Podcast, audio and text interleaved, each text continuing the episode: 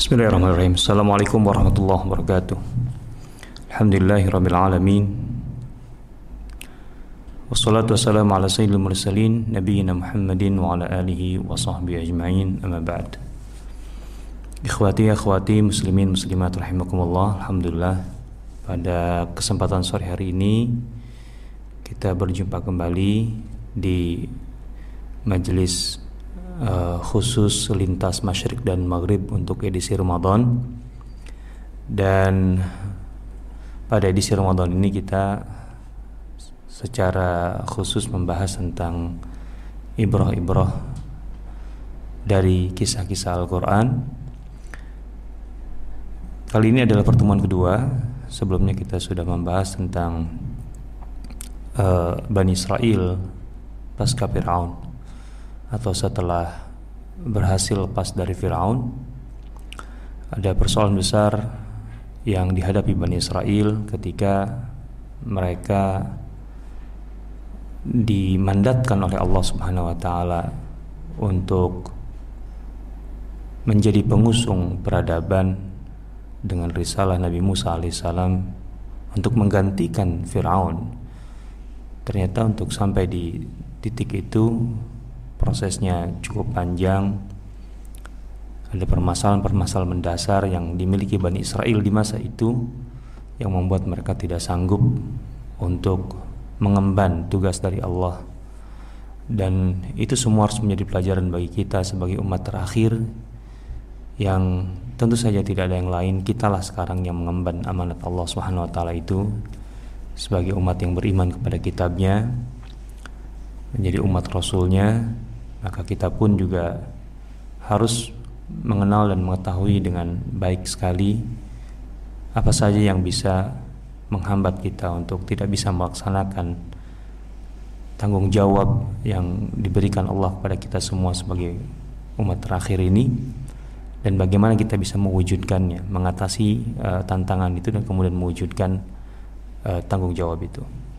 Nah, Kali ini di antara salah satu permasalahan yang dihadapi oleh Bani Israel saat itu atau yang menghambat Bani Israel adalah uh, hambatan mental dan eh, nilai-nilai uh, budaya yang begitu kental yang mereka terima di masa Firaun atau ketika mereka masih berada di Mesir. Dan nilai budaya ini bukan sekedar muamalah biasa tapi sampai kepada cara berpikir mereka sampai kepada masalah keyakinan mereka. Di antaranya mereka begitu mudah terpedaya uh, karena materialisme mereka gitu ya. Melihat atau memandang atau menimbang segala sesuatu dari uh, segala yang terukur gitu. di antaranya adalah mereka uh, mudah terpedaya oleh seorang yang bernama Samiri Samiri yang punya kelebihan sebagaimana selalu ada manusia yang memiliki kelebihan tertentu yang kadang-kadang sulit dinalar oleh orang biasa ataupun mungkin oleh orang pada umumnya.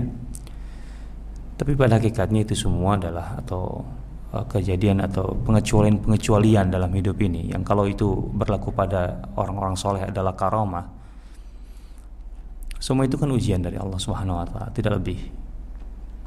Semua keajaiban dan kelebihan ketika tidak muncul dari tangan seorang atau dari seorang nabi dan rasul yang berarti mukjizat, semua itu pada dasarnya adalah ujian dari Allah Subhanahu wa taala, bukan pertanda bahwa dia punya posisi tertentu di sisi Allah, sama sekali tidak.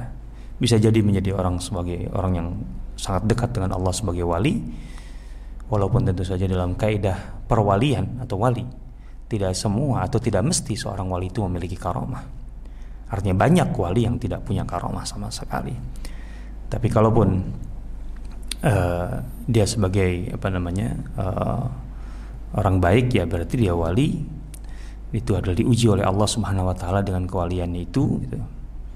Artinya dia tetap dalam posisi diuji gitu ya. Atau dia orang biasa yang pada dasarnya itu ujian bagi dia. Dia bukan orang yang spesial, bukan orang yang soleh uh, di level yang tinggi. Itu ujian. Apalagi di tangan orang yang tidak beriman bisa aja gitu ya uh, itu sebagai ujian dari Allah Subhanahu Wa Taala nah Samiri ini adalah bagian dari ujian itu dan betapa mudahnya Bani Israel tergelincir waktu itu untuk meninggalkan Musa alaihissalam yang memang kebetulan waktu itu Musa sedang tidak dihadir di tengah mereka. Karena untuk menerima uh, ajaran dari Allah Subhanahu wa taala ada miqat ada pertemuan Musa dalam tanda petik tentunya dengan Allah Subhanahu wa taala untuk menerima Taurat. Dan kemudian uh, selama masa itulah kemudian ada fitnah Samirinda uh, yang merupakan ujian besar. Dan Bani Israel gagal di sini atau kebanyakan Bani Israel. Nah, ini satu hal. Uh, sebenarnya kalau dari dari uh, pandangan kita tadi, fenomena Samiri adalah fenomena yang biasa dalam arti itu bisa terjadi dari waktu ke waktu bahwa ada satu fenomena atau satu kejadian luar biasa gitu ya uh, dalam arti yang tidak lazim dimiliki atau bisa dilakukan oleh uh, semua orang atau uh, sembarang orang. Tapi itu dilakukan oleh orang yang katakanlah bukan juga dekat dengan Allah dan sebagainya. Itu suatu hal yang uh, bukan pengecualian dalam arti tidak pernah terjadi dalam kehidupan itu. Selalu ada gitu bahwa itu terjadi. Uh, tapi kemudian ketika kejadian seperti ini bisa memalingkan seseorang dari masalah yang sangat besar. Samiri membuat patung anak sapi. Dengan uh, patung anak sapi yang bersuara itu gitu. Itu Bani Israel bisa menganggapnya sebagai Tuhan. Itu kan terlalu hal yang sangat luar biasa gitu. nah ini dia. Jadi sebenarnya itu uh, bukan hal yang istimewa sebenarnya gitu. walaupun sikap Bani Israel memang jadi terlalu naif gitu kok bisa gitu mudah mereka terpelancar itu Nah ini menunjukkan lebih kepada persoalan di internal Bani Israel, artinya di uh, masalah mereka itu. Kok bisa ter, tergoda seperti itu, uh, tergelincir dengan cara seperti itu. Gitu. Tapi kemudian yang jadi persoalan kenapa kita bahas gitu ya sekarang secara khusus. Karena uh, entah mulai kapan, tapi belakangan ini dengan isu atau tema-tema akhir zaman itu kadang-kadang yang mengangkat tema ini terlalu berlebihan gitu ya. Uh, dan coba mengaitkan ini itu yang intinya sih aneh-aneh gitu ya. Termasuk sosok Samiri gitu ya. Memang ada sisi yang misterinya ada gitu ya. Tapi kemudian terlalu berlebihan dikaitkan dengan eh, tanda-tanda uh, akhir zaman dengan dajjal dan lain sebagainya. Padahal ketika kita menyadari bahwa masalah akhir zaman dan dajjal termasuk bagian dari masalah akhir zaman itu bagaimanapun bagi kita sekarang itu masalah gaib maka jalan masuk kepada gaib itu tidak ada yang lain selain uh, ilmu yang kita dapat dari khabar. Khabar tentu khabar sadik uh, apatah itu dari Al-Quran dari Allah Subhanahu Wa Taala yang mengabarkan tentang apa yang akan terjadi masa depan atau dari Rasulullah SAW yang memang pada dasarnya beliau menerimanya sebagai wahyu dari Allah Subhanahu Wa Taala sebagai petunjuk. Tidak lebih dari itu. Kita tidak bisa merekayasa atau kalau masuk ke alam misteri yang di situ kita tidak punya ukuran ilmu di situ gitu ya. Apalagi dengan sosok-sosok yang ataupun dengan hal-hal yang dasarnya disebut dalam Al-Quran ataupun dalam hadis gitu ya. Maka ketika kita masuk dengan tanpa metodologi yang tepat gitu maka kita akan salah dan sesat. Dan itu tidak betul gitu. nah, jadi secara ilmiah itu bermasalah dan dampaknya tidak kecil bisa jadi begitu. Nah untuk itu maka di pembahasan yang uh, atau di kajian yang ringan ini kita akan mencoba mengulas sosok Samiri dari timbangan dalam timbangan tafsir dan sejarah. Dan kemudian benarkah dia dajjal nah ini yang akan kita bahas. Samiri disebut dalam Al-Quran dalam tiga ayat nama Samiri. Yang disebut dalam Al-Qur'an sebagai Samiri semuanya dalam surat Taha, dalam surat Taha yaitu ayat 85, 87 dan 95. Ya, ada tiga ayat dalam Al-Quran semuanya dalam surah Taha yang menyebut nama Samiri gitu ya. Tentu yang terkait dengan Samiri dalam arti yang menyebut peristiwanya itu berulang-ulang dalam surah Al-Baqarah ada, dalam surah Al-A'raf ada gitu ya dan surah-surah yang lain terkait dengan itu. Uh, tindakan Samiri yang kemudian itu menjadi masalah besar di tengah Bani Israel. Tapi kalau nama Samirinya disebut dalam Al-Quran, berarti nama yang ada dalam Al-Quran ini. Artinya sumber kita pertama kali Al-Quran. Gitu. Nah, ada tiga ayat semuanya surah Taha ayat 85, 87 dan 95. Ayat 85 Allah Subhanahu wa berfirman A'udzu billahi minasyaitonir rajim qala fa inna qad fatanna qaumaka min ba'dika wa adhallahumus samiri Ketika Musa alaihissalam sudah menerima al-wah menerima ajaran-ajaran dari Allah Allah kemudian ngasih tahu Musa eh Musa sepeninggal kamu ke sini kaummu itu sekarang uh, terfitnah dalam arti terfitnah di sini mereka dapat musibah besar dalam keyakinan dalam akidah gitu ya. Yaitu maksudnya fitnah apa ini? Mereka disesatkan oleh Samiri gitu ya. Mereka telah disesatkan oleh Samiri. Allah menyebut namanya Samiri. Ayat kedua surah yang sama Toha 87 qalu ma akhlafna mau'idaka bimalkina walakinna hummilna awzaran min zinatil qaum faqadhafnaha fakadzalika alqas samiri. Kaum Nabi Musa ketika diinterogasi oleh Nabi Musa kenapa kalian melakukan ini itu? Mereka masih tahu ini pasalnya begini nih asal mulanya begini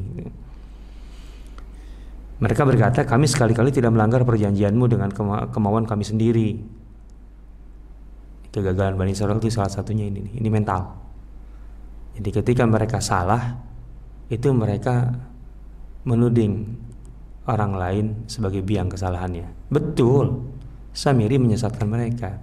Tapi bahwa mereka, mereka menjadi sesat itu bukan karena semata-mata Samiri, tapi karena mereka sendiri.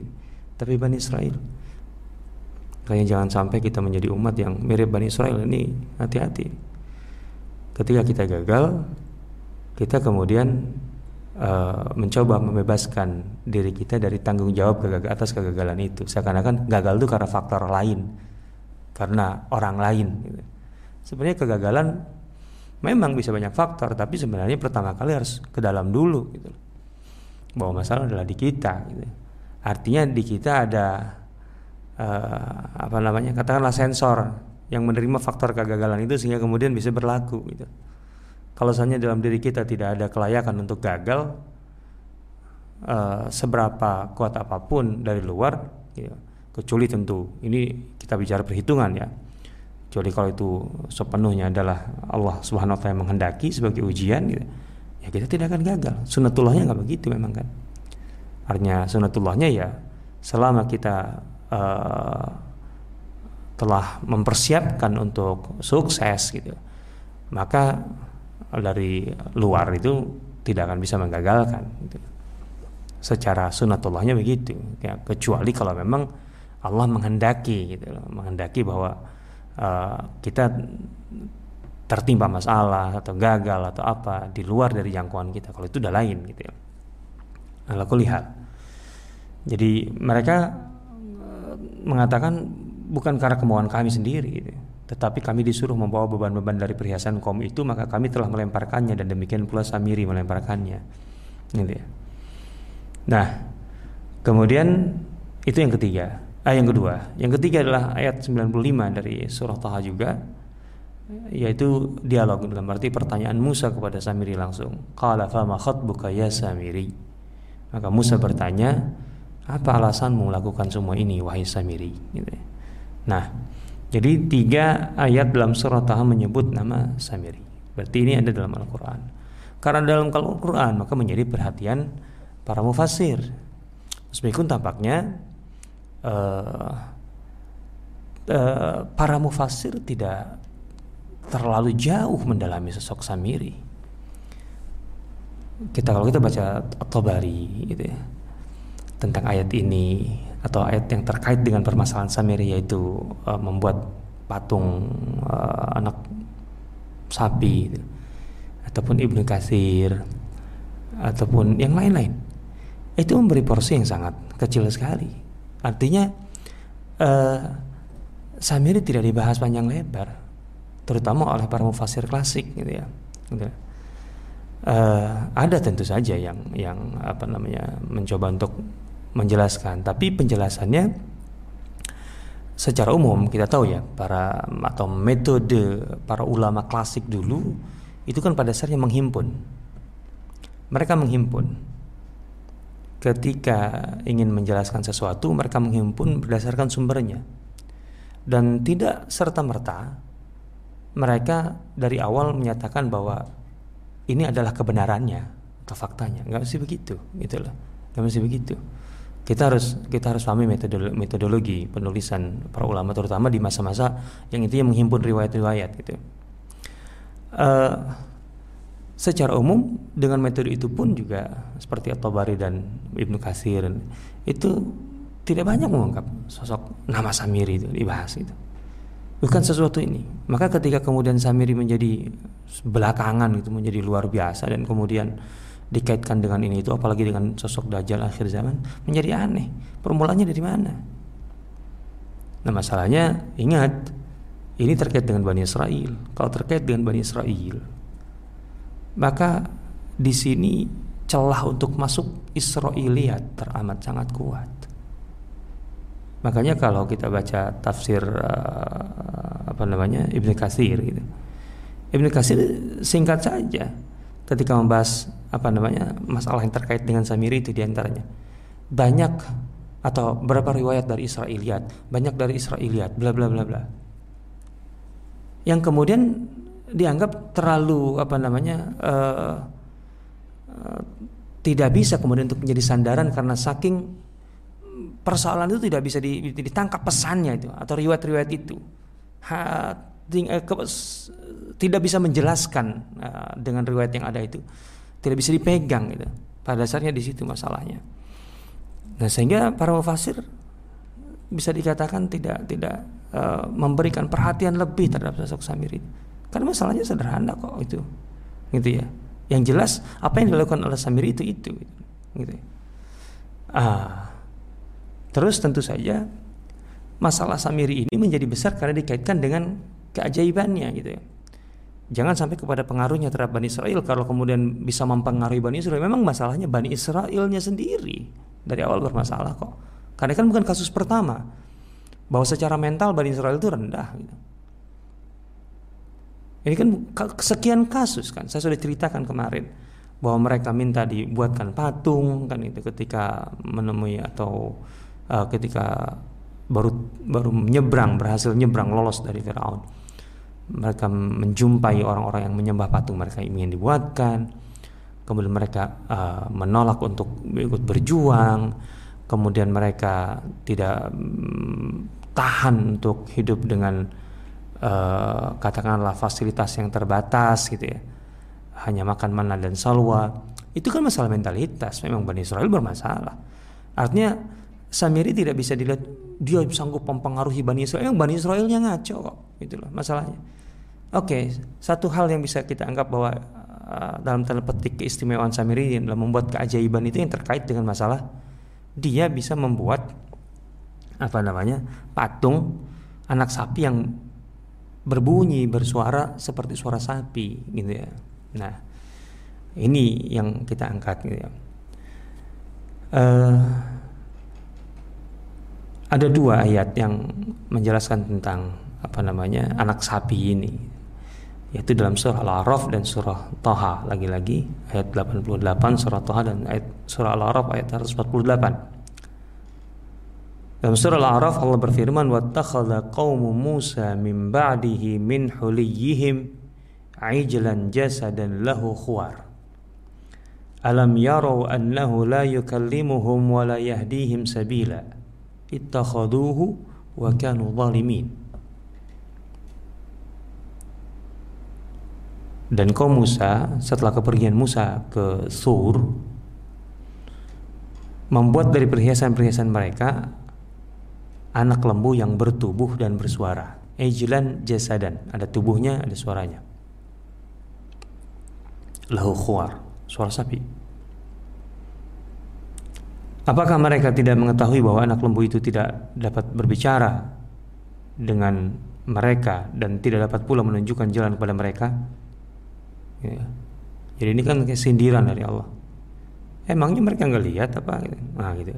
Kalau bahasa kita begitu udah tahu nggak nggak bisa berbicara dan menunjukkan jalan memberikan petunjuk apa masih dijauh disembah kan gitu nah tentu maksud di sini mereka ini uh, yang membuatnya samiri. Tapi kan bahwa mereka kemudian mengumpulkan itu bersama-sama. Cuman kemudian yang membuatnya samiri karena itu ada ayat lain yang menjelaskan itu ya. Ini kan tentu ayat dijelaskan dengan ayat yang lain. Sehingga bukan berarti membuatnya bareng-bareng gitu. Kalau adonan diadon bareng-bareng enggak. Yang lain ngumpulin bahan Samiri yang membentuk. Hmm. mereka menjadikannya sebagai sembahan dan mereka adalah orang-orang yang zalim. Itu surah Al-Araf ayat 148 dalam surah Taha ayat 88. Fa akhraja lahum ijlan jasadan lahu khuar. Faqalu hadza ilahukum wa ilahu Musa fanasi. Kemudian Samiri, nah ini kan ayat menjelaskan Samiri fa akhraja lahum mengeluarkan untuk mereka dari lubang itu anak lembu maksudnya dari lubang tempat mereka uh, mengumpulkan perhiasan yang bertubuh dan bersuara maka mereka berkata inilah Tuhanmu dan Tuhan Musa. Tapi Musa telah lupa. Musa itu kan uh, bilang ke kaumnya 30 hari tapi kemudian kan 40 hari karena Musa disuruh berpuasa. Nah karena kelamaan wah ini kelamaan nih. Musa ngapain juga mau ketemu Tuhan? Kata gitu. Orang Tuhannya di sini, dia lupa kalau Tuhan ini. Nah, yang mereka sembah sebagai Tuhan itu itu. Ijlan jasadan lahu khwar. Jadi ini anak sapi pertama, bentuknya anak sapi. Itu bukan bukan bukan apa namanya? Bukan lukisan ya. Jasadan itu menunjukkan memang ada ada fisiknya. Kemudian ada suaranya lahu khwar gitu ya. Apa yang membuat Bani Israel kok bisa gitu uh, menjadikan anak sapi buatan Samir itu sebagai sembahan? Nah di sini mulai ada permasalahan penafsiran penafsiran itu. Ingat tadi saya katakan bahwa tabiat dari para ulama kita ketika mengkulo riwayat kalau kalau kemudian kita menemukan riwayat-riwayat yang macam-macam itu intinya mereka ingin ngasih tahu bahwa tentang ini nih ada yang bicara nih riwayatnya dari si fulan, nih dari si fulan, nih si fulan, gitu. Berdasarkan itu, gitu ya. Memang kemudian ada yang menjadikan salah satu dari versi riwayat itu sebagai pilihan atas penafsiran, gitu ya. Ada, gitu. Tapi itu para ulama satu sama lain kan saling mengoreksi. Di sini harus kita pahami, gitu ya. Nah, kan pertanyaannya begini. Kalau sekedar anak sapi biasa. Oke lah. Kan sulit lah untuk diterima kita nalar gitu bahwa Bani Israel mau menjadikan sembahan. Mungkin itu satu.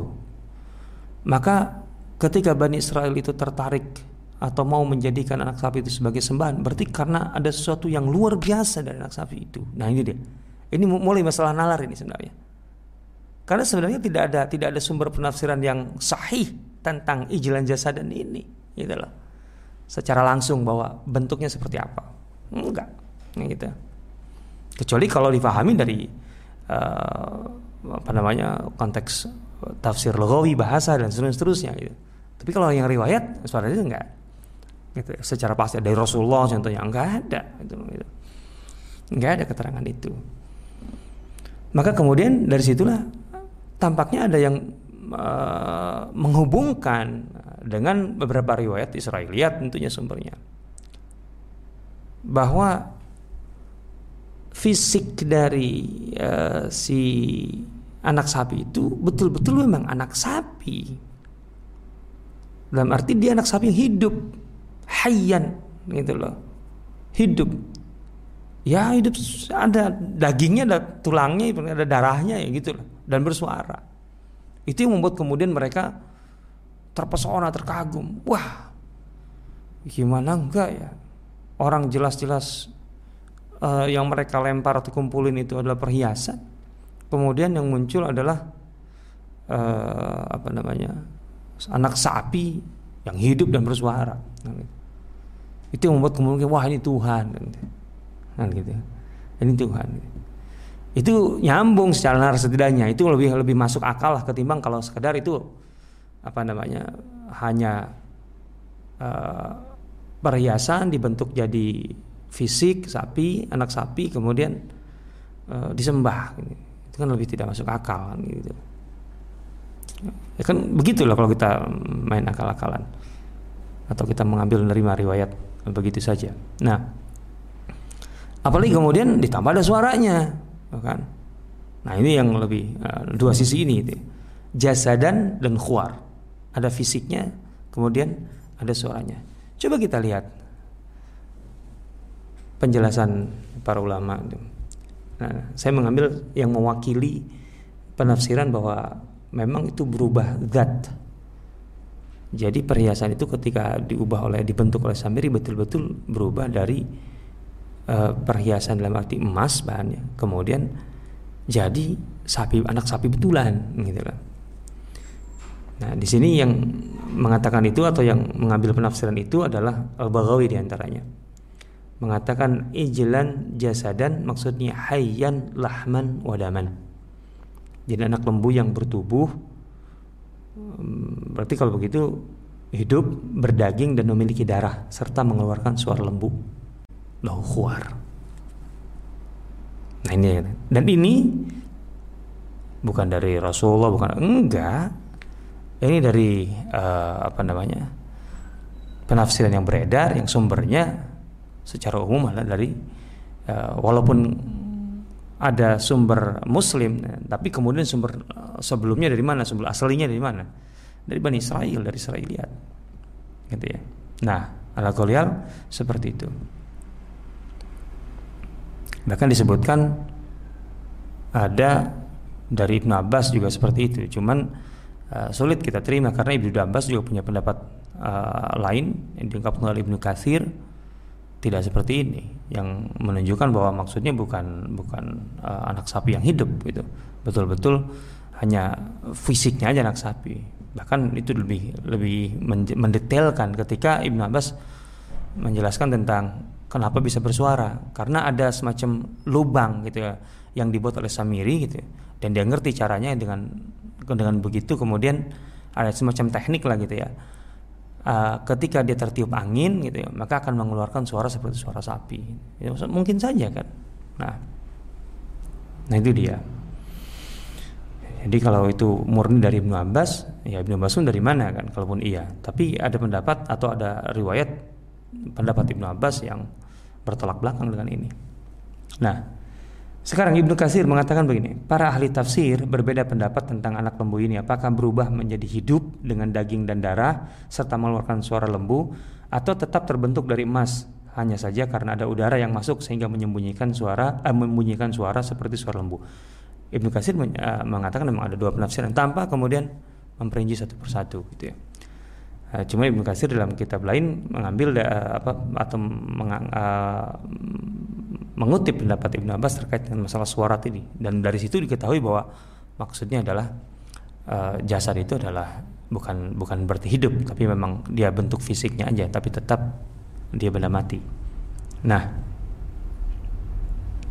Ibnu Ashur dalam Tahrir wa Tanwir karena termasuk belakangan beliau ini ya abad yang lalu ya artinya beliau meng, uh, menghimpun atau mencermati uh, katakanlah polemik ini kata itu permasalahan ini. Kata Ibnu Ibnu Ashur jasad kan jasadan lahu khwar ejlan jasadan. Dari sisi tafsir lughawi bahasa jasad adalah tubuh yang tidak memiliki roh, tidak memiliki nyawa. Gitu ya. Yang dimaksud jasad di sini, gitu, artinya dalam ayat ini. Karena itu bisa uh, memang jasad bisa berarti itu uh, seperti kisah Nabi Sulaiman tentang jasad Nabi Sulaiman kan sudah meninggal tapi kan jasadnya masih disebut. Artinya jasad yang dimaksud dengan ayat ini adalah jasad uh, dalam arti tubuh yang tidak memiliki nyawa. Ini berlaku khusus untuk tubuh hewan bila tidak memiliki ruh. Artinya kalau kalau hewan tidak memiliki ruh itu disebut jasad gitu ya, tubuhnya. Maksudnya gitu ya, dalam ayat ini eh, dia mirip tubuh anak lembu baik bentuk maupun ukurannya. Mirip aja, akan tetapi tidak hidup. Nah, ini dia. Kemudian beliau mengatakan, Al-Tahir bin Ashur, Adapun yang mengisahkan bahwa anak lembut tersebut hidup dengan memiliki daging dan darah, makan dan minum, hal tersebut hanyalah karangan para penutur cerita min wad'il qassasin. Artinya tidak ada sumber riwayatnya sesungguhnya. Tidak ada asalnya. Gitu. Min wad'il qassasin gitu ya. Nah, Terus beliau menguatkan bagaimana tidak gitu. Konteks ayat menyebutkan bahannya aja dari perhiasan. Artinya dari bahan uh, perhiasan ketika dibentuk ya tetap dia dari bahan yang sama. Gitu ya. Uh, itu tentu uh, penguatan dari yang sebelumnya secara bahasa jasa seperti itu. Kemudian juga penelusuran tentang siapa sih yang mengatakan itu? Ya itu kosos. Ya para penutur ceritanya begitu. Tapi nggak ada sumbernya sebenarnya. Nah kemudian ketika Allah juga menyebutkan lahu khwar ada bunyi bunyi ini disebutkan dalam ayat ini gitu dikaitkan dengan kemudian Allah menyindir mereka gitu loh. Mengherankan mereka. Kok bisa gitu loh? Kamu terpedaya oleh uh, anak lembu ini gitu padahal dia tidak bisa bicara kalian. Cuman bunyi doang kan gitu, gitu ya. Hanya sekedar bunyi gitu. Nah jadi ini karina gitu ya. Bahwa itu memang dia bukan ber, bukan berarti hidup betulan. Dia tidak hidup gitu. Sehingga dengan begitu tidak ada yang aneh gitu ya. sebenarnya. Selain bahwa seorang Samiri seorang ahli gitu ya. Uh, apa namanya? Untuk membuat atau punya teknik lah gitu ya. Kemampuan untuk uh, membuat bagaimana supaya si anak lembu itu bersuara dengan ya, lubang yang dia buat di dalamnya suaranya seperti suara sapi sebagaimana dikatakan oleh Ibnu Abbas dalam penafsiran Ibnu Abbas. Nah, bahwa kemudian tapi kan dia membuatnya membuatnya kan dari bekas. Iya betul.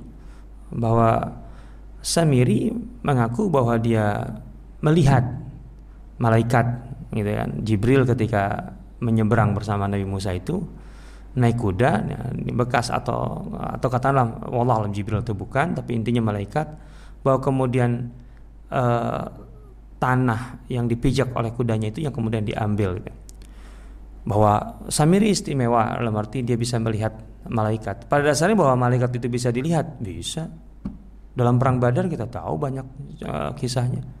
Coba kita baca uh, orang-orang musyrik apa namanya yang kalah di perang Badar. Kan di antara mereka mengatakan aku tidak ditawan oleh sebulan yang menawanku ini. Kan gitu kemudian ada yang mendengar suara, ada yang melihat, bisa. Pada artinya dalam kondisi tertentu malaikat bisa dilihat. Itu bukan suatu yang teramat sangat istimewa maksudnya bahwa selain Nabi ada yang bisa melihat malaikat ada yang gitu eh, di, di Badar itu jelas sekali gitu.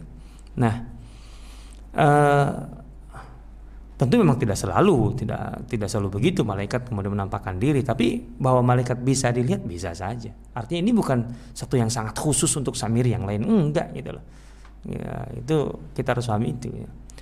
Nah, selain tentu saja tadi kita kembali ke awal bahwa samir itu punya satu yang luar biasa, iya. Tapi tidak membuatnya kemudian sampai kemudian kita harus menarik-narik luar biasa itu kepada sisi bahwa dia dajjal gitu kan yang memang diberi suatu hal yang luar biasa oleh Allah Subhanahu wa taala sebagai ujian tentunya saja. Nah, kalau samiri penafsiran para ulama sampai segitu aja. Dan itu masih bisa diterima gitu pada dasarnya. Nah, kalau begitu sekarang tentang sosok Samiri itu sendiri gitu ya. Samiri ini kata Samiri secara semantik ya, as-samiriyu itu bisa disebut sebagai kata nisbah asamiri yukat uh, huruf ya itu bisa diartikan menunjukkan uh, nisbah. Tapi nggak mesti juga. Semua ya yang bertasdid itu ya nisbah. Bisa jadi ya asli juga bisa sebenarnya. Ibnu Asyur mengatakan kemungkinan itu bisa aja gitu ya. Seperti kursi itu kan ya asli gitu. Kursi yun kemudian Ali itu kan ya asli kan gitu jadi uh, Samiri ya secara umum oke okay lah kalau kita kita uh, telah dulu dari sisi ini bahwa dia adalah kata nisbah. Nisbah secara bahasa itu bisa kepada tempat atau kepada uh, kabilah suku keturunan gitu ya keturunan dalam hal ini bisa kepada tempat keturunan. Al Hasan Al Basri berarti adalah Hasan orang Basrah gitu atau Hasan yang tinggal di Basrah pokoknya itu loh karena Hasan kan banyak kalau Hasan al Basri berarti Hasan yang berasal dari Basrah atau yang tinggal di Basrah itu tempat kan gitu. Tapi contohnya uh, atau al Ghifari gitu ya. Ghifar bisa jadi nama orang, jadi yang jadi nama tempat. Tapi yang jelas Ghifar dikenal sebagai tempat, kawasan. Abu Dhar al-Ghifari berarti Abu Dhar yang berasal dari satu tempat bernama Ghifar kan gitu. Atau bisa aja Ghifar asalinya adalah eh, nama orang, bisa aja. Nah, eh, terus kalau orang ya tentu banyak lah gitu. Ya. Eh, contohnya eh, Imam Ash-Syafi'i Al-Muttalibi. Imam Syafi'i Al-Muttalibi karena Imam Syafi'i berasal dari keturunan uh, Al-Muttalib gitu ya, bin Abdi Manaf. Saudara Hashim bin Abdi Manaf gitu ya. Di situ ketemunya. Tentu Bani Hashim dan Bani Muttalib itu kan al-bait. Karena Rasulullah SAW uh, eh, menjelaskan tentang ketika menjelaskan al-bait keluarga beliau ya itu Bani Hashim dan Bani Muttalib. Jadi jadi Imam Syafi'i bukan keturunan Rasulullah SAW eh, Rasulullah dari Bani Hashim. Sementara Imam Syafi'i dari Bani Muttalib gitu ya. maka disebut al-Muttalibi kan gitu. artinya di keturunan keluarga Muttalib ini Bani Muttalib kan gitu.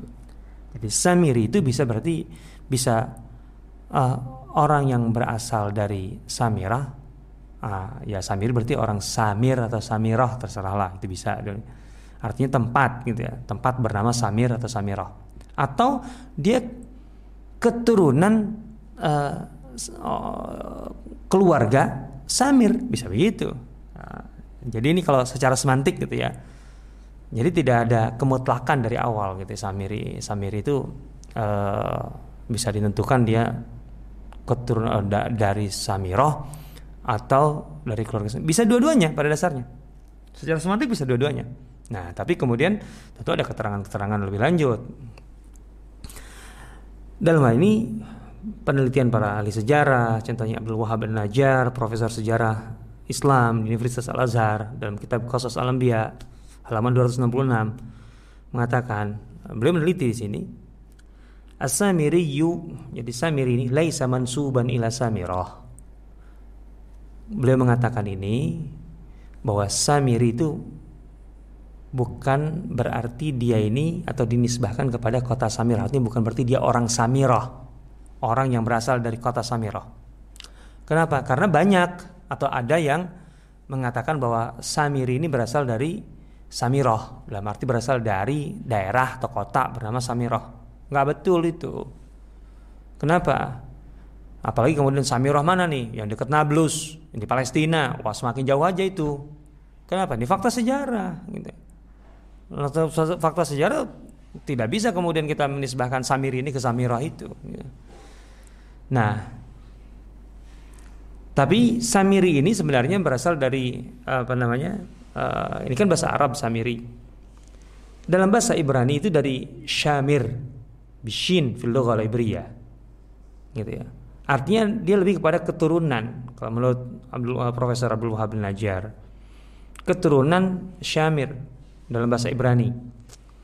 Syamir dalam bahasa Ibrani atau Samir gitu ya yang kemudian diarabkan ya Samir kama huwa nutqul arabi al-afriqi uh, al-ifrimi. Uh, dalam bahasa Arab dan Ifrim gitu ada dari masa dahulu itu berarti Haris. Artinya lebih kepada ini juga kepada profesi sebenarnya. Jadi penjaga. Jadi keluarganya itu dikenal dengan profesinya sebagai atau salah satu keluarga yang terkenal itu dikenal sebagai penjaga. Maka disebut asamiri jadi keluarga yang punya profesi sebagai penjaga gitu ya jadi lebih kepada keturunan gitu ya jadi menurut Profesor Abdul bin Najjar gitu ya jadi kata Samiri itu bukan artinya bu, bu, bukan orang yang berasal dari kota Samira, enggak. Apalagi kalau itu Samira Nablus gitu ya, yang dari Palestina. Kemudian, enggak.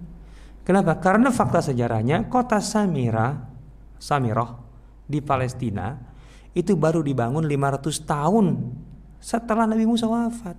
Kotanya aja belum ada, masa orangnya sudah ada. Nah itu. Artinya kalau Asamiri disebut dia berasal dari kota Samirah. Apalagi kota Samirah yang di Palestina gitu. Itu gak benar karena sejarah kota Samirah jelas. Kota Samirah itu baru dibangun 500 tahun setelah Nabi Musa. Jadi tidak benar kalau dia itu orang Samirah kan gitu. Nih. Kemudian Ibnu Ashur juga mengatakan gitu ya. ya.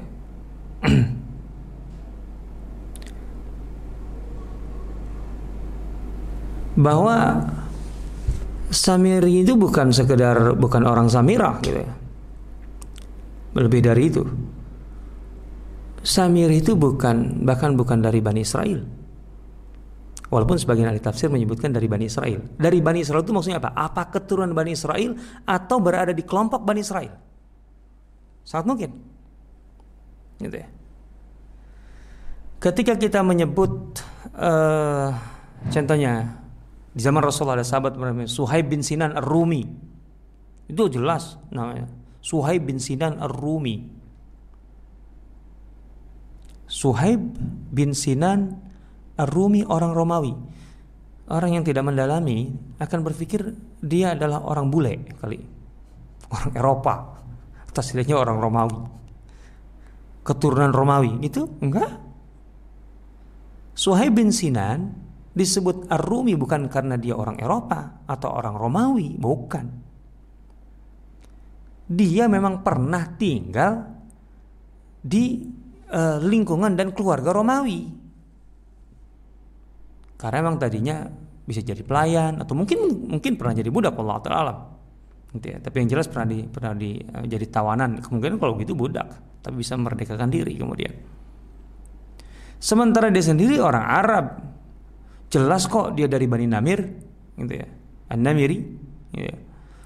jadi nggak mesti kalau disebut tadi Rumi berarti dia orang uh, Romawi karena Samir ini dengan Bani Israel kemudian dari Bani Israel disebut ada yang menyebutkan dari Bani Israel apakah kenurunan secara darah gitu ya. atau memang berada di lingkungan kan gitu nah ketika diteliti ternyata bukan keturunan darah jadi Samir ini bukan orang Bani Israel bahkan. Bukan keturunan Bani Israel. Gitu.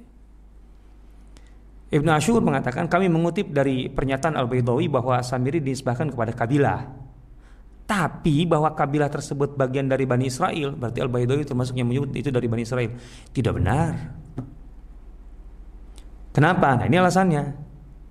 Samirah adalah sekelompok penduduk Palestina di kawasan Nablus di masa Romawi. Mereka sudah menetap di Palestina sebelum dikuasai Bani Israel gitu ya. Mereka kemudian berbaur dengan Bani Israel dan menerima syariat Nabi Musa alaihissalam dengan cara pengamalan yang berbeda dengan kaum Yahudi. Hmm. Ini pandangan uh, Ibnu Ashur, gitu ya. Jadi kalau uh, dikembalikan ke Samirah itu tidak benar. Kalau bahwa itu kemudian juga Samirah bagian dari Yahudi, juga tidak benar atau orang orang Samirah kalau itu penduduk sekalipun gitu ya sekelompok penduduk jadi ada sekelompok penduduk disebut dengan Samiriyin itu berbeda dengan dengan yang ini ini jauh setelah Nabi Musa gitu nah mereka kemudian baru berbaur dengan Bani Israel kemudian tapi kemudian pengamalan agamanya pun juga berbeda dengan Bani Israel nah bisa jadi memang kata kata Ibnu Ashur Samiri ini dinisbahkan kepada sebuah perkampungan di Mesir bernama Samirah itu ada bukan di Palestina tapi sebagaimana disebut oleh beberapa ahli tafsir. Tapi Samira yang di Mesir ini bukan Yahudi, bukan Bani Israel. Bukan Bani Israel. Samira yang di Mesir itu adalah Koptik gitu ya. Maka dengan demikian Samiri adalah seorang pemuda Koptik yang membaur dengan Bani Israel karena hubungannya yang begitu dekat dengan mereka uh, atau karena memang bekerja dengan mereka gitu ya. Nah, jadi kalau Sami, uh, Samir ini disebahkan kepada Samirah Samirahnya Mesir, Samirah Mesir bukan Bani Israel, dia orang Koptik. Kalau uh, Samirahnya Samirah Palestina, jelas itu lebih jauh karena kota Samirah, ini kalau kotanya itu baru dibentuk setelah Nabi Musa.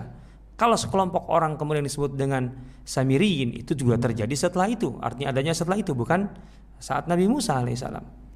Nah, maka kita lihat bahwa uh, Ibnu Kasir dalam kasus al-anbiya tentu kita tahu bahwa Ibnu Kasir salah satu ahli tafsir dan ahli sejarah sekaligus dan juga punya apa namanya katakanlah analisis-analisis yang uh, artinya secara umum Ibnu Katsir menyeleksi gitu, riwayat wa kana samiri min qaumin ya'budun al-baqar.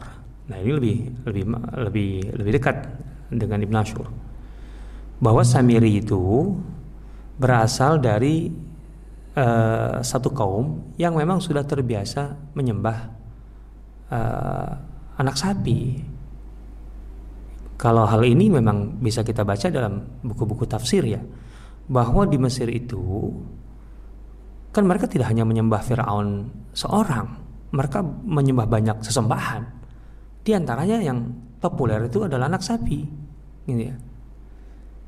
Uh, Ibnu Ashur menyebut anak sapi yang disembah oleh orang-orang Mesir, termasuk kemudian orang-orang Yahudi, itu orang Bani Israel maksudnya. Itu kalau ejaan saya benar, karena kalau dari dari dari tulisannya ya Hamzah, ya ba ya sin, itu pasnya dibaca ibis, gitu loh. Pasnya dibaca ibis, gitu. Karena kalau yang lain nggak pas i eh, susah, ibis yang paling pas, gitu. Tapi ada ada juga yang tidak Hamzah ya, tapi langsung Hamzah ba, gitu. Mungkin bisa jadi ibis atau abis gitu atau ubais bisa jadi begitu. Tapi ala hal yang jelas itu masyhur terkenal bahwa di, di di Mesir memang mereka biasa menyembah anak sapi. Di antara sembahan yang populer itu anak sapi gitu ya. Kaumin ya'budun al-bakar dan Ibnu Kasir mengkonfirmasi ini. Jironin li bani Israel Samiri itu dan kaumnya itu bertetangga dengan Bani Israel. Walam yakun min Bani Israel. Sementara Samiri sendiri bukan dari Bani Israel. Tegas sekali, jelas sekali. Uh, Ibnu uh, Kasir dalam Qasas al-Anbiya. Gitu ya. Nah, dari sini Samiri bukan Bani Israel bahkan tidak benar kalau dia berasal dari Samira, gitu. Samira yang mana gitu. Kalau Samirah yang uh, kota di Palestina jelas itu walaupun kemudian ada orang-orang disebut dengan Samiriyin dan mereka menganut uh, Yahudi tapi tata cara pelaksanaannya beda dengan uh, Yahudi pada umumnya. Karena mereka sebenarnya adalah orang asing tadinya bukan Bani Israel yang kemudian uh, menerima ajaran Yahudi. Atau kemudian Samirah yang kemungkinan yang tadi di Mesir yaitu Koptik jelas gitu ya. Nah, berikut lagi bahwa ada yang mengaitkan supaya kemudian itu nyambung barangkali karena ada sosok di masa Nabi SAW yang uh, cukup rumit gitu ya. Uh, sosok ini cukup misterius awalnya awalnya awalnya. Uh, di masa Rasulullah SAW sendiri dan beberapa sahabat pun begitu. Yang katakanlah menduga-duga bahwa itu adalah Dajjal yaitu Ibnu Sayyad. Yang aneh ada yang kemudian mengaitkan Samiri adalah Ibnu Sayyad tidak ada ahli tafsir yang mengaitkan Samiri dengan Ibnu Sayyid. Nggak tahu dari mana sumbernya. Pertama itu. Tapi ketika kemudian masalahnya akan dikaitkan dengan Dajjal bahwa Samiri itulah Dajjal karena Ibnu Sayyid juga itulah Dajjal karena memang hampir ada nasnya di situ gitu. Walaupun nas itu bukan nas memastikan. Uh, Rasulullah memang pernah uh, katakanlah meneliti Ibnu Sayyid itu karena uh, ada beberapa sifat dajjal yang ada pada diri Ibnu Sayyad gitu ya. Maka beliau pernah uh, katakanlah mengintip Ibnu Sayyad dan pernah bersama Umar gitu. Sampai Umar uh, meminta kepada Rasulullah mengizin. Udah aku bunuh aja Rasulullah. Kata Rasulullah, "In yakunhu lam tusallat alaihi." Jika memang dia dajjal, Ibnu Sayyad ini, engkau tidak bisa membunuhnya Umar. Dia akan hidup nanti sampai akhir zaman wa illam yakunhu fala khaira fi jika dia ini bukan dajjal terus ngapain kamu bunuh juga? Percuma juga bunuh itu. Nah gitu artinya kalau dia bukan dajjal engkau bisa bunuh memang tapi suat apa? Kan gitu. Toh dia bukan dajjal. Kalau memang bisa dibunuh. Nah itu awalnya memang begitu. Tapi kita tahu bahwa ada riwayat Tamim Ad-Dari yang menjadi uh, kata putus menyelesaikan persoalan polemik ini sebenarnya bahwa Ibnu Sayyid bukan dajjal yang dimaksud, bukan dajjal akhir zaman. Gitu ya. Artinya Ibnu Sayyid sendiri bukan dajjal akhir zaman. Karena sifat-sifat dajjal akhir zaman itu tidak bisa uh, sepenuhnya apple to apple gitu di uh, diterapkan pada Ibnu Sayyid. Pertama begini, Ibnu Sayyid itu lahir di zaman Nabi SAW. Kedua, dia dari Bani Israel. Ada ada disertasi terkait dengan masalah masalah Dajjal dan dia membahas masalah Ibnu Sayyid. Artinya Samiri bukan Bani Israel tadi. Lah Ibnu Sayyid dari Bani Israel. Itu berbeda dari situ udah. Terus kemudian dia lahir di masa Nabi SAW. Dan ketika Nabi hijrah SAW ke Madinah, Ibnu Sayyid itu baru akil balik katakan gitu. Masih kecil karena masih main dengan ibunya, masih diasuh ibunya. Kan gitu. Oke. Okay. Ketika Rasul hijrah, Ibnu Sayyid itu uh, masih kecil. Kemudian tetap hidup di Madinah sampai zaman sahabat gitu.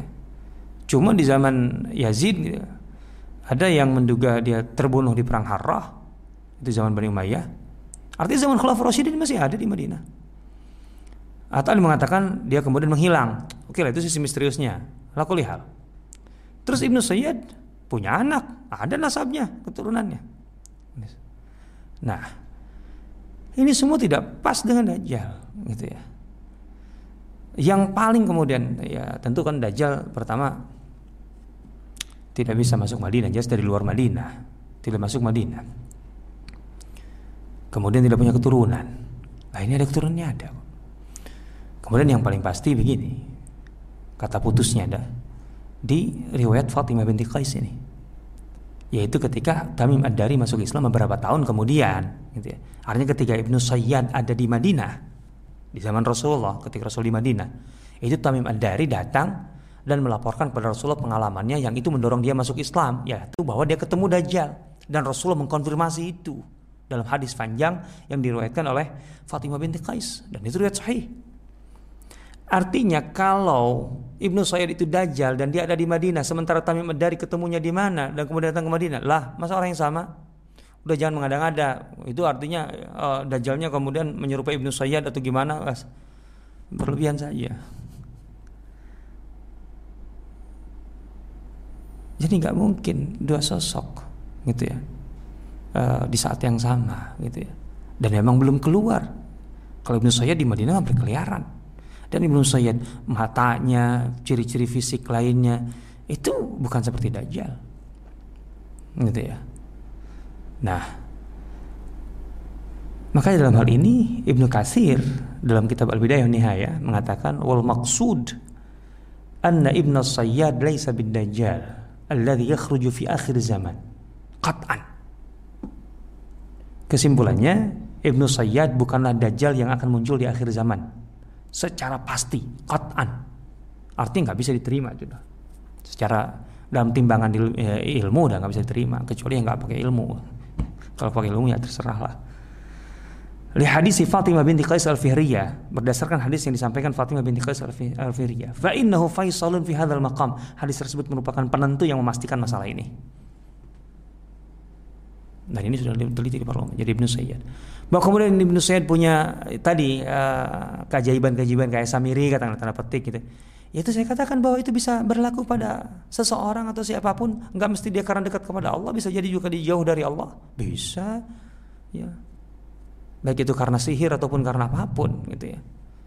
Uh, alasannya gitu. Ala kulihal bahwa kemudian uh, tapi kenapa dia memiliki uh, sifat-sifat uh, yang kemudian awalnya Rasulullah pun curiga bahwa itu dajjal? Ya karena uh, keanehan-keanehan itu gitu ya yang itu bisa berlaku dan Rasulullah SAW belum menerima informasi dari Tamim dari pada waktu itu gitu ya nah dengan demikian kita perlu juga menimbang bahwa memang sebelum dajjal yang muncul di akhir zaman itu akan muncul dajjal-dajjal kecil lah gitu ya. Itu para ulama mengatakan itu. Ibnu Sayyid syak kata Ibnu Kasir itu bagian atau dia termasuk uh, apa dajjalin atau dari dajjal-dajjal kecil itu gitu ya. Yang itu mungkin aja sekarang juga ada siapa kayak sebut Saibaba kayak siapa yang sekarang di India itu dajjal-dajjal kecil.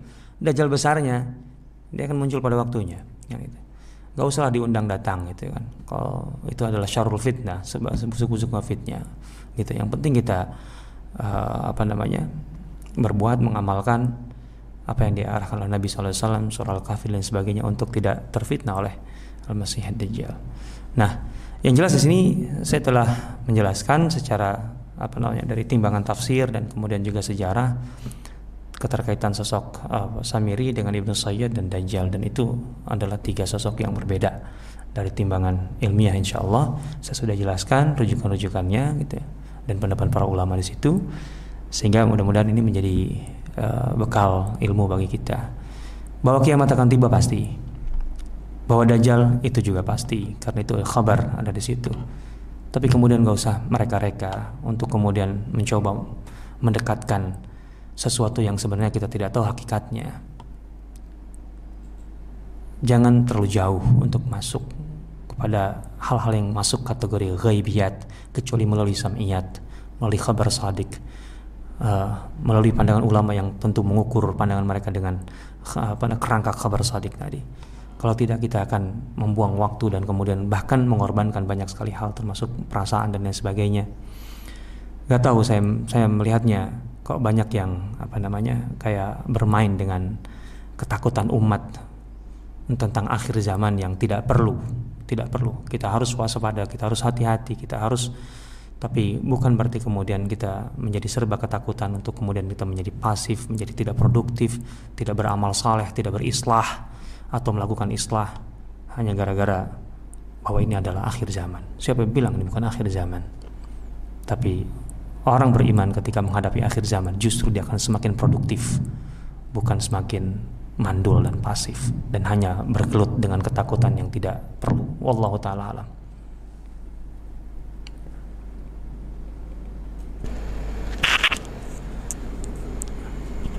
Alhamdulillah uh, usai sudah pemaparan materi pada sore hari ini Eh, kita lanjutkan di sini ada beberapa pertanyaan dari sahabat Sierra Community Indonesia. Yang pertama dari Udanto Aribo. Ustadz mau tanya, berarti anggapan bahwa Samiri sekarang menjelma menjadi paman Sam atau alias Amerika Serikat itu hanya cocok cocokologi saja. Gimana? Dari mana itu ngambil itu Samiri adalah paman Sam? aduh yes eh, asal usulnya nggak tahu lah gitu ya. Samiri paman Sami ya otomatis maksudnya kan ingin mengaitkan dengan Dajjal akhir zaman kan gitu. ingat Dajjal itu orang kok paman Sam memangnya apa orang juga maksudnya Amerika itu negara gitu Jangan-jangan Amerika itu 5-6 tahun lagi sudah nggak ada yang namanya Amerika itu Paman Sam itu nggak ada Bisa aja Orang Amerika juga lahirnya baru 1700an Itu lahirnya Sebelum itu nggak ada yang namanya bangsa Amerika Seperti sekarang kalau lima tahun lagi hilang juga bisa kok itu. Dajjal ya enggak, dia sudah jelas ada kok sekarang sekarang. Fisiknya ada kok. Tamim dari itu ketemu orangnya kok, gitu. Ketemu orangnya. Ini. Allah taala alam. Selanjutnya. Assalamualaikum Ustaz. Assalamualaikum warahmatullahi wabarakatuh. Saya pernah dengar ada hadis yang menyatakan Dajjal akan keluar dengan 70 ribu Yahudi. Asfahan, ya. Apakah Yahudi yang dimaksud itu Yahudi dari keturunan Bani Israel? Mungkin, mungkin itu. Atau di masa dulu Memang ada orang-orang Yahudi yang tinggal di Asfahan. Dan di daerah Asfahan ada Disebutkan oleh para ulama kita ya Artinya yang, yang tahu tentang geografi bahwa memang ada kawasan yang disebut dengan Yahudiyah di Asfahan. Apakah itu maksudnya tempat dari tempat itu atau memang orang-orang Yahudi dalam keturunan Bani Israel Asfahan yang apa, muncul? Tentu sampai sekarang uh, memang di uh, Asfahan atau daerah Isa, daerah Iran ada orang-orang Yahudi kan itu. Yang jelas itu jihad, itu arah gitu ya. Uh, intinya bagaimana timur gitu ya. Itu adalah arah. Allah taala itu kan dalam bagian dari terminal atau perjalanan Dajjal kan Artinya bukan berarti dia ada di sana, itu beda. Muncul dari situ bukan berarti dia berasal dari sana. Itu penafsiran para ulama. Allah taala. Selanjutnya, Assalamualaikum Ustaz. Assalamualaikum Apa yang dimaksud dengan dajjal kecil? Apakah seperti mata-mata dajjal yang nanti keluar di akhir zaman? Maksudnya mata-mata dajjal? Jasasa? Oh, enggak. Dajjal kecil itu manusia, tapi sifatnya sifat dajjal gitu loh. Artinya uh, dia ngomong gede bisa mempengaruhi orang gitu. Terus kemudian orang percaya gitu. Uh, dibohongin tapi dipercaya dulu gitu loh. Itu dajjal tuh gitu. Itu sifat dajjal gitu. Kemudian menjanjikan ini itu gitu. Padahal enggak gitu. Dajjal pokoknya yang melakukan kejahatan-kejahatan besar lah gitu. Membohongi manusia gitu, mengiming-imingi gitu. Itu kerjaan dajjal tuh. Gitu itu dajjal-dajjal kecil. Atau mungkin dia punya ke, ke, ke, kemampuan untuk melakukan yang aneh-aneh gitu ya. Baik itu dengan sihir atau apa pun gitu ya intinya. Tapi dengan begitu orang terpengaruh gitu ya.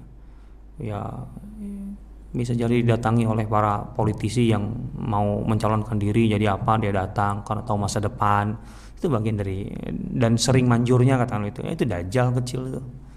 Gitu ya, seperti itu. Kadzamun intinya adalah pendusta-pendusta besar dan yang berdusta banyak, tapi yang pendusta besar kan ya tentu itu levelnya beda gitu. gitu ya. Seperti itu maksudnya. Masih nyambung dengan pertanyaan yang tadi, semenjak kapan Dajjal diikat? Apakah dari zaman Nabi Adam? Wallahu taala alam. Kalau tanya sejak kapan Dajjal diikat, siapa yang ikat, pakai apa diikat, kenapa nggak bisa dilepas? Wallahu taala alam itu ghaibiyat dan saya tidak tahu apa namanya keterangan nas riwayat terkait itu. Allah taala. Assalamualaikum Ustaz. Waalaikumsalam Agak sedikit out of topic. Saya ingin tahu bagaimana hukum belajar bahasa Arab. Saya pernah dengar bahwa belajar bahasa Arab adalah wajib. Ya. Artinya bahasa Arab yang untuk mendukung kita mengerti tentang apa namanya eh, masalah-masalah utama dalam agama gitu. itu harus kita pelajari jangan sampai enggak. Artinya ketika al-fatihah saja kita nggak tahu artinya oh, itu sebagian ulama menganggap itu kita ya berdosa karena tidak mempelajari bahasa Arab sampai artinya bukan belajar bahasa Arab sampai mengerti ini ya bisa terjemahin buku gitu. Kalau kayak gitu ya enggak lah gitu ya. Jadi untuk karena pertama ma'rifatuddin itu kan wajib. Kita tahu agama itu kan maksudnya wajib maka kemudian din ini kan Al-Quran dan sebagainya untuk mengetahui masalah-masalah utama agama kan pakai bahasa Arab. Sehingga dari situ maksudnya para ulama gitu. Allah taala alam. Allah taala selanjutnya tanya Ustaz bagaimana riwayat Samiri yang melakukan kesalahan begitu besar hanya diusir oleh Musa alaihissalam padahal umatnya malah diminta untuk saling membunuh uh, maksudnya itu yang membuat kemudian Samiri menjadi uh, sisi misterius Samiri. Gini saja. Kalau kita ambil perumpamaan betul memang tidak sebanding tapi lebih kurang. Ada ada pendekatan. Yang menyebabkan Allah menurunkan surah An-Nur ayat 11 dan berikutnya yaitu membebaskan bunda kita Aisyah dari tuduhan ifk itu adalah karena fitnah atau tuduhan yang dilakukan oleh Abdullah bin Ubay dan orang-orang munafik. Bersama Abdullah bin Ubay atau kaum munafik ada tiga muslim sahabat yang terpeleset ikut Mistah, Hasan bin Sabit dan Hamna binti Jahash. Yang tiga ini dihukum. Abdullah bin Ubay enggak. Padahal jelas dalam ayat bahwa uh, apa namanya Aisyah bersih dari tuduhan itu dan tuduhan terhadap seorang muslimah ya, terkait dengan kehormatannya itu apabila tidak terbukti maka akan dihukum dengan apa namanya uh, jald didera Artinya Samiri memang tidak dihukum seperti Bani Israel. Tapi kita lihat bahwa Nabi Musa pertama uh, membakar anak sapi yang dibuat oleh uh, Samiri, kemudian menghamburkan debunya, gitu ya. Walan sifan fil yamin nasfa, kemudian ditaburkan di laut. Kemudian dia dihukum antakula fil ardi la misas. Hukumannya itu. Malah hukumannya lama dia. Artinya apa? La tamassuni wala amasukum. Jadi ke mana pun itu Samiri kemudian setelah itu nggak ada orang yang mau mendekatinya. Gitu ya. Itu hukumannya. Artinya dia dihu tidak dihukum seperti Bani Israel yang hukumnya memang uh, apa namanya dibunuh, saling bunuh katakanlah dengan cara itu. Tapi bukan berarti ini juga ringan bahwa Samiri ke mana pun kemudian tidak mendapatkan uh, tempat dan dia kemudian dia sendiri yang kemudian mengambil jarak dari orang. Jangan sentuh aku dan orang lain kemudian uh, atau aku tidak akan menyentuh kamu dan kamu juga jangan menyentuh aku. Dan kemudian wa innalaka mau'idan lan tukhlafa dan hari kiamat engkau ada azab lagi kan gitu. Oh, kurang apa itu? Gitu bentuknya memang beda tapi bukan berarti tidak dihukum Gitu ya. ya memang masalah pertimbangan menurut kita lebih berat mana? Ya walau bisa jadi itu lebih berat Samiri sebenarnya karena kenyataannya. Tahu kalau orang-orang yang dihukum apa namanya hukuman uh, mati itu uh, kan kita baca riwayatnya bahwa karena itu taubat maka yang terbunuh pun juga matinya syahid kan gitu yang uh, hidup diterima taubatnya sudah selesai lah Samiri malah enggak kan gitu Nah itu dia. Itu kan hukuman sebenarnya. Allah taala alam. Lanjutnya mungkin yang terakhir. Uh, kalau kita ke Turki, souvenir kecil banyak simbol mata satu. Apa ya artinya? iya, itu masalah lain itu. Uh, ya, ya dulu itu kalau orang Turki dulunya itu nganggapnya jimat gitu. Tapi kalau sekarang itu souvenir aja bukan jimat gitu. Ya situ terserah kita lah kan. Bagi kita juga itu bukan jimat kan pada dasarnya gitu. Uh, jadi kalau kalau budaya dulunya itu adalah semacam jimat untuk menghindari ain gitu loh. Sebenarnya begitu asal usulnya. Tapi sekarang eh, jadi souvenir. Ya saya pun juga nggak membelinya kok. Tapi kalau itu dijual sebagai souvenir ya bukan lagi dianggap jimat ya kan lebih kepada maknanya bukan kepada fisiknya kan sebenarnya. Allah taala alam seperti itu. Baik ya demikian ayo akhwat sekalian. Mudah-mudahan ini menjadi bekal di Ramadan ini ada sesuatu yang bisa kita fahami dari satu persoalan yang ada dalam Al-Quran karena memang itu tujuan dari kajian kita di bulan Ramadan tentang sosok Samiri ya, mudah-mudahan sudah jelas sudah clear. Uh, dan insya Allah kita akan masih melanjutkan pembahasan tentang uh, imroh dari Al-Quran kisah-kisah Al-Quran pada pertemuan dua Senin lagi insya Allah berarti. Dan insya Allah juga besok mulai kelas webinar Sirah Community Indonesia membahas tentang uh, pengantar sejarah pengantar Andalus uh, di masa Bani Umayyah. Atau tepatnya kita membahas 300 tahun uh, Islam di Andalus sejak masuk sampai 300 tahun di masa Bani Umayyah. Dari 800 tahun Islam di Andalus dan insya Allah dilanjutkan dengan tiga peperangan besar yang terjadi di bulan Ramadan.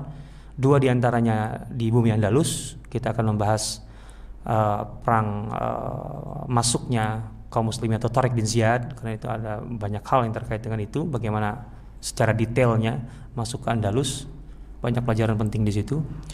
Yang kedua adalah uh, peperangan di uh, Prancis Selatan. Ini yang jarang diungkap gitu bahwa kaum muslimin sebenarnya sekian lama berada di Perancis Selatan gitu ya. Peperangannya sendiri berjalan uh, sekian tahun uh, tapi kemudian kaum muslimin bisa tinggal eksis di sana lama cukup lama sebenarnya di Perancis Selatan. Bahkan kalau peperangannya sudah sampai mendekati ke Paris ya, kurang dari 200 kilo ke Paris, 100 sekian kilo gitu ya. Jadi itu perlu kita angkat. Satu lagi insya Allah adalah di masa Abbasiyah uh, yaitu perang Amuria Eh, perang penting sekali uh, sebagai salah satu perang menentukan nah, kemenangan kaum muslimin atau kekuatan kaum muslimin dalam berhadapan-hadapan dengan Bizantium di masa Mu'tasim uh, Khalifah Abbasiyah. Wallahu taala alam. Demikian kita cukupkan hadallahu ikum ajmain. Allahumma anfa'na bima 'allamtana fazidna ilman tanfa'una. Allahumma arhamna bil Qur'an. Allahumma arhamna bil Qur'an. Subhanakallahumma bihamdika asyhadu an la ilaha illa anta astaghfiruka wa atubu ilaik. Wassalamu Muhammad wa Muhammad wassalamu alaikum warahmatullahi wabarakatuh.